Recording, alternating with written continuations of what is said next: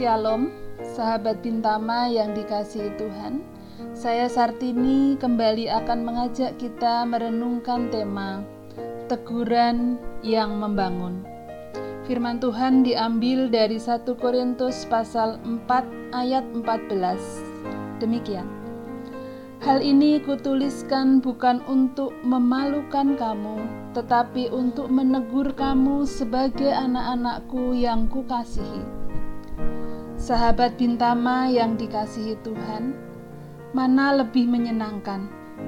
Dipuji, diapresiasi, atau ditegur?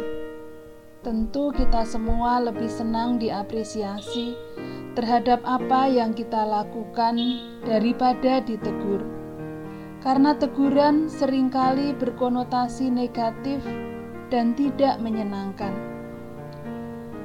Namun pagi ini firman Tuhan menyapa kita untuk belajar memberikan teguran yang membangun, bukan untuk mempermalukan, namun merupakan ungkapan kasih kepada jemaat Tuhan.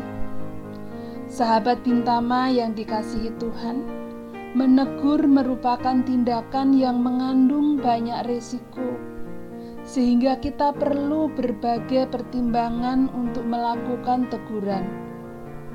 Lalu, bagaimana agar teguran yang kita lakukan bisa berpadanan dengan firman Tuhan?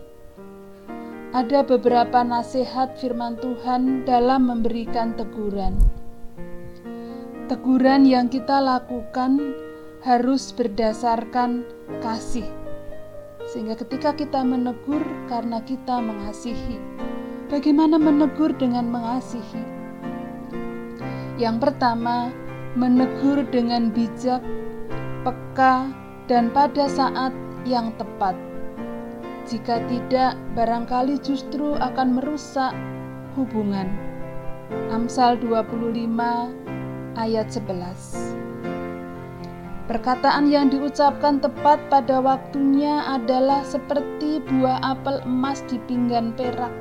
Bagaikan buah apel emas di pinggan perak, seperti itulah perkataan yang tepat pada waktunya. Yang kedua, menegur dengan empat mata, karena semua orang tidak ingin dipermalukan dan ingin dihargai. Matius 18 ayat 15.